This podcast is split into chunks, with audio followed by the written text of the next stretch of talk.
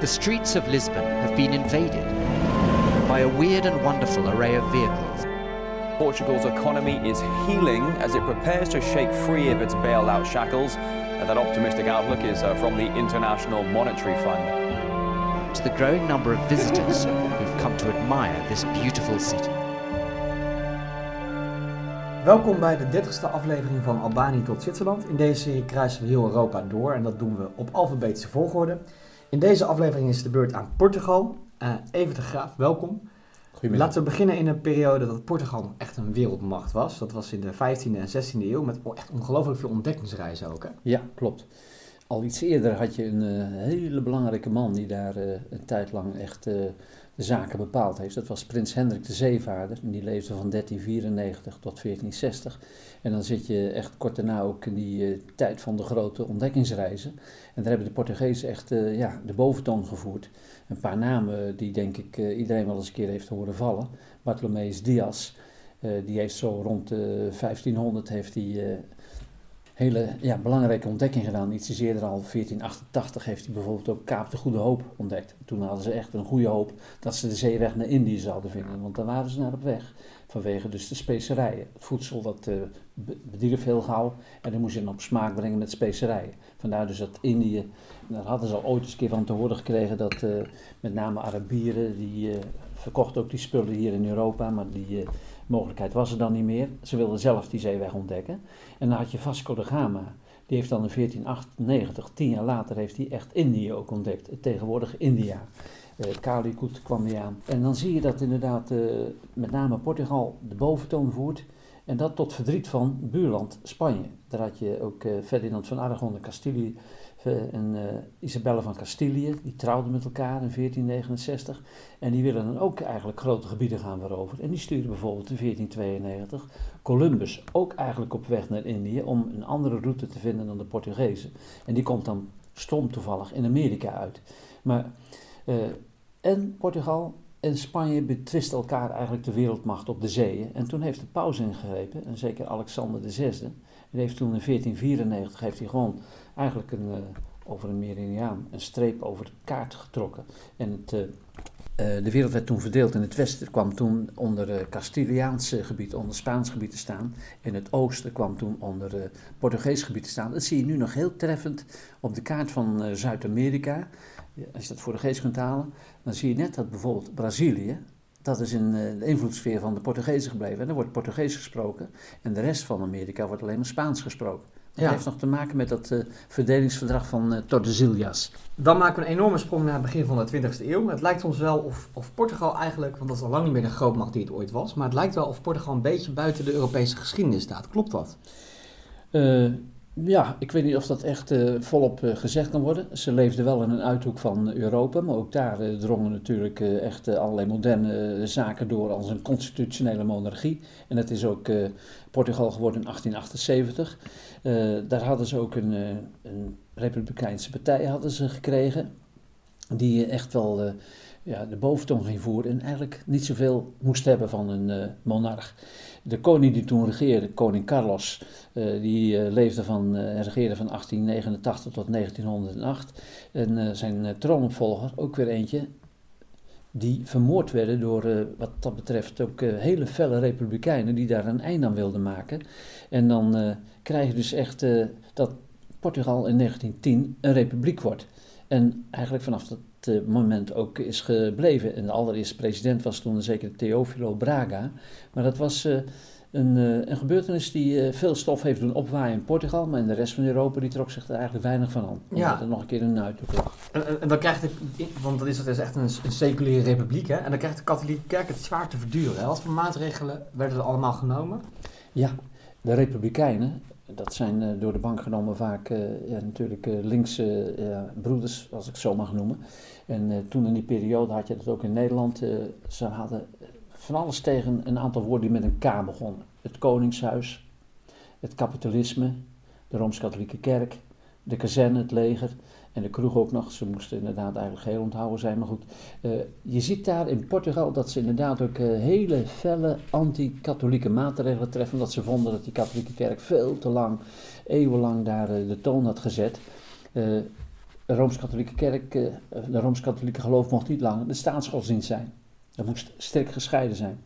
De bezitting van de Rooms-Katholieke kerk werden genationaliseerd. De Rooms-Katholieke geestelijken die zich uh, verzetten werden opgepakt en zonder vaak vorm van proces opgesloten.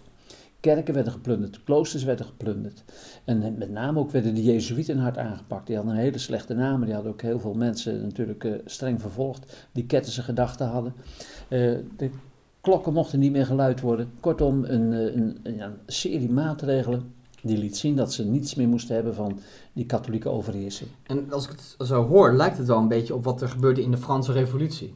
Ja, die waren ook sterk beïnvloed, die Republikeinen, met name door het idee van de Franse Revolutie.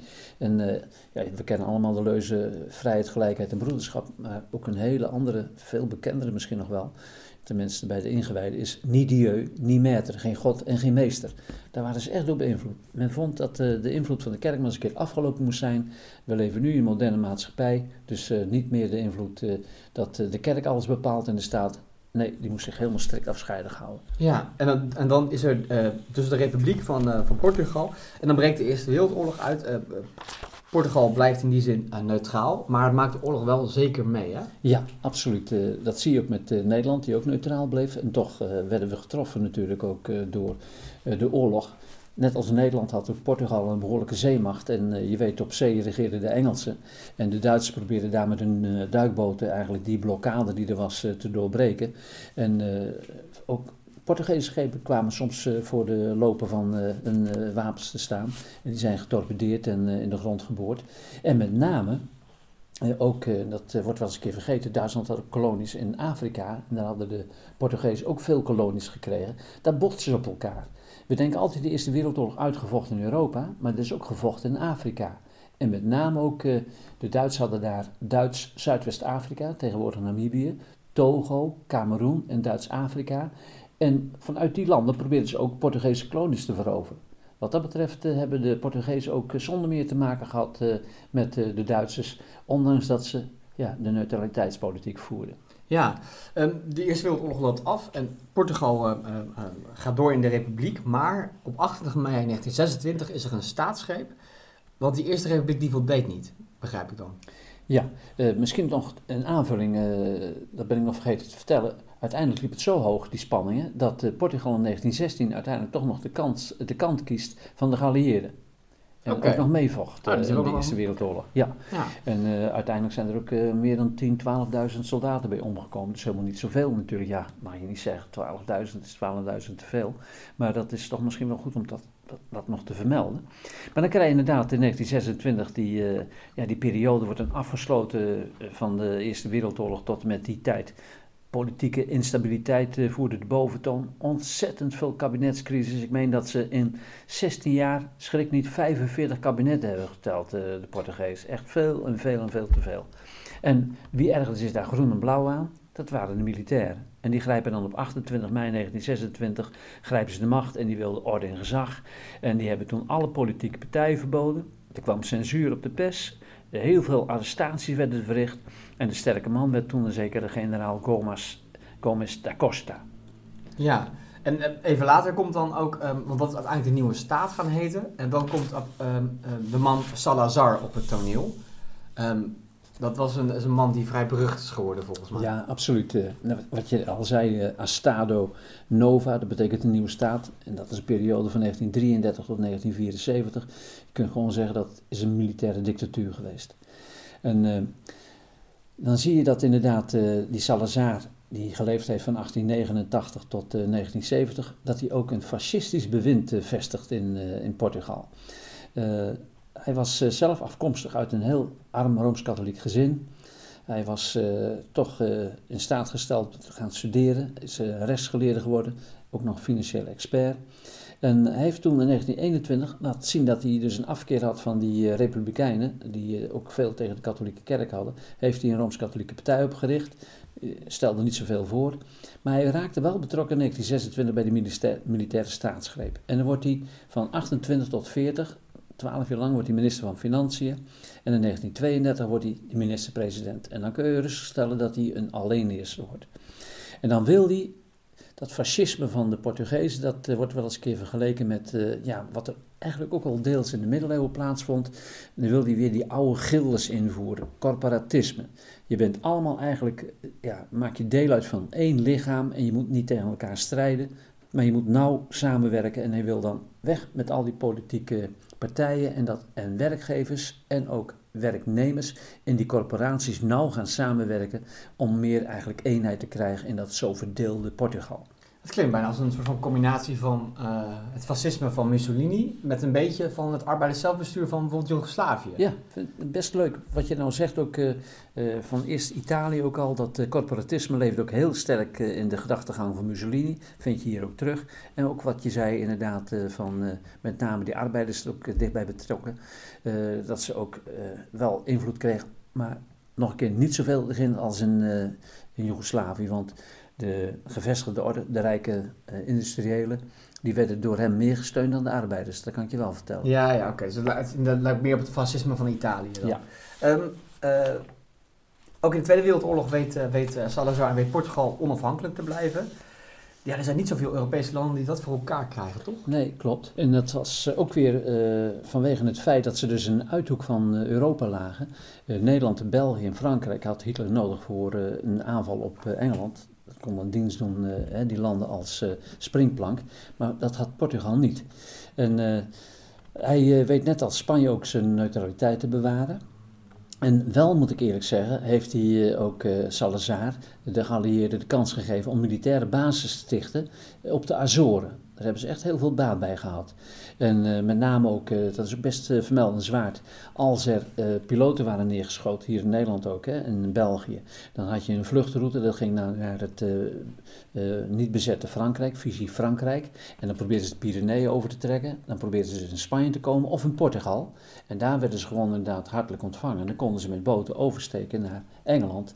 En uh, wat dat betreft hebben ze inderdaad ook uh, uh, de mensen gelegenheid gegeven om via hun land, ook Joden die gevlucht waren voor met name ook de fascisten en de nazisten, die konden dan via Portugal toch uiteindelijk ook vaak in Engeland terechtkomen. Ja, dus dat is misschien de positieve kant van de dictatuur ja. van, van Salazar. Maar officieel waren ze neutraal. Ja, precies. In, in de jaren 60 zien we eigenlijk wereldwijd dekolonisatie in Nederlands-Indië. Uh, daar had ook Portugal mee te maken, want ze hadden inderdaad nog steeds die kolonies waar we begin uh, over hadden. Ja. Uh, maar dat wilden ze niet zomaar toestaan, hè, dat, die, dat die kolonies onafhankelijk werden. Nee, absoluut niet. Met name Salazar niet. Die had echt het waanidee dat Portugal nog steeds een grote mogendheid was, een grote koloniale mogendheid. En die wilde koet, koet niet af van de kolonies. Maar uh, hij raakte daardoor in een internationaal isolement. Want de Europese gemeenschap eh, die keerde zich tegen hem en die wilde gewoon dat dat wel gebeurde. En met name natuurlijk twee grote mogendheden die zich daartegen keerden. Dat was en de Verenigde Staten en ook de Sovjet-Unie, die gewoon vonden dat er eens een keer een einde aan moest komen. Amerika was zelf een kolonie geweest en je zegt, uh, uh, dat is altijd een standpunt geweest al vanaf de Eerste Wereldoorlog met Wilson, uh, dat landen over een eigen ja, onafhankelijkheid kunnen mogen beschikken. En ook de Sovjet-Unie, die wilde ook met name marxistische bewegingen steunen in die kolonies, in de hoop daar, als dat koloniale Portugese bewind aan de kant geschoven was, dat ze daar natuurlijk dan ook pionnen hadden die naar de pijpen van Moskou gingen dansen. Uh, wel bleef uh, Portugal in die periode lid uh, van de NAVO. En dat is best wel een beetje een, een ja, een spagaat geweest ook voor de mensen die Portugal hard wilden aanpakken. Ze moesten ook niet voor de kop stoten, want ze hadden Portugal wel degelijk nodig ook voor bepaalde NAVO-bases ook in dat land en ook op de Azoren, wat ik net al vertelde. Maar goed, ze hebben inderdaad dat toch knap weten te spelen. wat Salazar uh, uiteindelijk ook deed, en daar heeft hij zich ook niet geliefd mee gemaakt, uh, goed die kolonies houden, maar er moest natuurlijk ook een sterk leger komen. En uh, hij heeft heel veel soldaten daar naartoe gestuurd om daar die opstandelingen, met name die marxisten en nationalisten, daar de kop in te slaan. En dat heeft heel veel kwaad bloed gesticht. Misschien is het wel leuk om een paar van die bewegingen te noemen. De MPLA, misschien wel eens van gehoord, UNITA, FNLA. Dat zijn allemaal van die afkortingen, maar meestal zijn dat dus Marxisten geweest. Uh, die probeerden dus uh, aan de macht te komen. En die werden ook door de bank genomen, altijd gesteund door de Sovjet-Unie en door China. Hm. Ja, en uiteindelijk is het tot een uh, decolonisatie ja. gekomen. En was dat dan in, in de, in de uh, overzeese gebieden of was het in Portugal? Nee, dat was met name in Afrika, heb ik okay. het nog steeds over. Ja. In Angola met, met name ook. En Mozambique. Dat soort uh, kolonies waren toen inderdaad in bezit van de Portugezen. En die wilden gewoon een onafhankelijkheid hebben. Ja, en zelfs Macau, hè? Dat, Ja, die, precies. moest op een gegeven moment overhandigen aan, eh, aan China. Ja, Inmiddels is dan weer in India, hè? Precies, Ja. bekend als een, eh, als een gokoord. En zal- ook een, een hippieoord eh, oorspronkelijk. Oké. Heel veel hippies hebben daar gezeten. Oh, nou, leuk. In, in de flauwe power tijd was dat.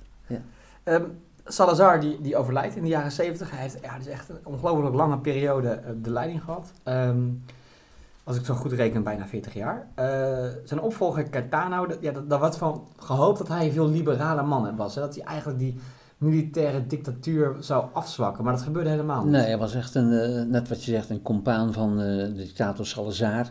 En die werd inderdaad in 68 al eh, ziek en in 1970 overleden. En hij was ook een man van de Estado Nova, van de nieuwe staat, jarenlang vicepremier geweest. In 70 wordt hij dan premier. Maar die zet gewoon eigenlijk die fascistische koloniale politiek van Salazar zet hij voort.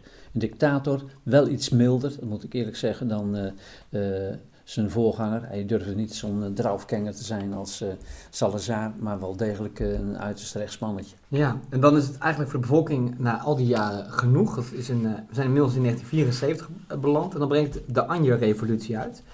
Um, wat was het voor revolutie? Ja, er leefde grote onvrede in Portugal, ook uh, onder de bevolking, met name ook uh, gezinnen die hun uh, zoons in de leeftijd van 18 zeg maar, tot 20, de dienstplichttijd, naar Afrika gestuurd zagen worden. Velen kwamen niet terug, die zijn daar omgekomen of kwamen als invalide terug.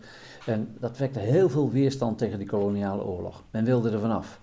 En bovendien, door al die oorlogen die daar uitgevochten werden al die kolonies, dat uh, kostte Portugal zo ontzettend veel geld. Portugal raakte eigenlijk bijna bankroet. En uh, ook zag je dat er uh, heel veel onvrede was over het onderwijs. Veel te weinig geld ging er naar onderwijs toe. Analfabetisme, dat stak echt een extreme vorm de kop op in die gebieden. En men wilde ook ja, meer kansen krijgen. Er was gewoon een grote uitzichtloosheid. En een einde daaraan maken, dat zou Caetano echt niet doen. Dus wat wilden ze?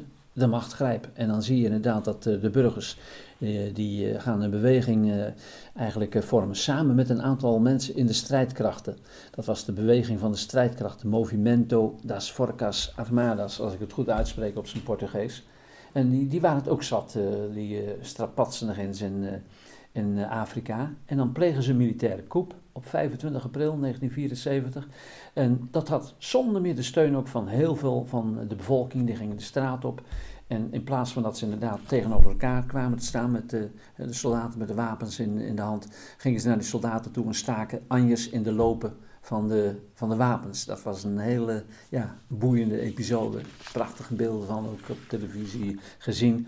En uh, uiteindelijk uh, heeft het ertoe geleid dat uh, men uh, Catano zat was en die kon toen nog net op tijd vluchten naar Brazilië. Anders was hij misschien wel uh, afgeslacht. Ja, en de, uiteindelijk ook een hele um, uh, vreedzame revolutie. Als ik het uiteindelijk is het een hele ja. vreedzame revolutie geweest. Ik geloof dat er alleen maar in Lissabon één keer bij een incident werd er geschoten dat er drie doden zijn gevallen. Maar dat is natuurlijk miniem bij een militaire opstand. Nou, zeker. zeker ja. ja. En dat, en dat maakt van Portugal ook weer een vrij land. Hè? Een, een, een stuk liberaler dan, dan de democratie, die, of de, de uh, militaire dictatuur dat het was. Ja, ja ze wilden gewoon ook, uh, net als uh, de meeste Europese landen, gewoon een parlementaire democratie.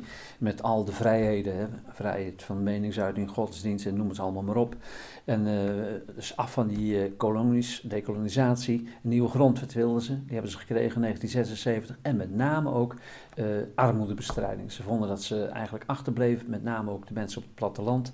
Dat er beter onderwijs moest komen, meer kansen ook voor de arme bevolking. En daar hebben ze inderdaad ook ja, geprobeerd met name de socialisten werk van te maken. En dan moet er met name één man genoemd worden. Dat is eigenlijk de Portugese Joop den Uyl. Dat is uh, de socialist Mario Soares geweest. Die in 76 de macht grijpt. En allerlei hervormingen heen doorvoeren. Echt ja. een prima vent is dat ja. geweest. En, en, en Portugal komt ook echt wel bloeien. Want er komen veel, uh, veel Portugezen terug um, uh, vanuit de kolonies. Het is echt een welvarende periode voor het land. Um, maar dan breekt er, een, uh, dat is in de 2000 uh, jaren, een economische crisis uit. En Portugal is toch wel een van de landen die daar echt zwaar door getroffen wordt. Hè? Ja. Uh, zijn, hoe, hoe zit dat nu eigenlijk? Ja, Portugal die werd inderdaad heel erg doorgetroffen. ik denk inderdaad, uh, verhoudingsgewijs misschien wel meer dan vele andere landen. Vooral Zuid-Europese landen werden er zwaar doorgetroffen, moet ik eerlijk zeggen. Die zijn toch natuurlijk niet zo goed ontwikkeld geweest als nou ja, West, of Duitsland, West-Duitsland, Duitsland en Frankrijk en, en Nederland, Engeland. Maar, maar ze hebben in ieder geval een andere manier van boekhouding gehad. Ja, ook veel corruptie daar, vaak in Zuid-Europa, dat moet ik eerlijk zeggen.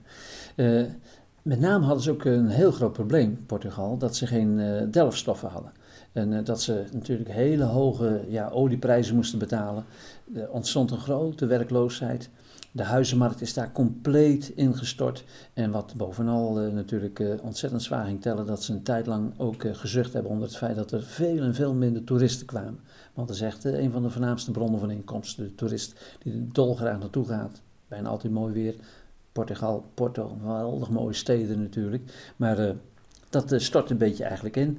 En nu begint het weer langzameraan, uh, begint het weer ja, beter te gaan met de economie in Portugal. En dan zie je ze opkrabbelen. En ja, ik denk dat het ook te maken heeft met het feit dat er steeds meer toeristen weer naartoe gaan. Ook nieuwe rijken vanuit Rusland. Als ik pas een artikel die er ook veelvuldig op vakantie gaan. Ontzettend veel Engelsen, noem allemaal maar op. Ja, dat uh, bloeit op het ogenblik alweer op. Ja, en het is een prachtig land uh, om een keer heen te gaan. Bedankt voor deze uitleg over Portugal. Graag gedaan.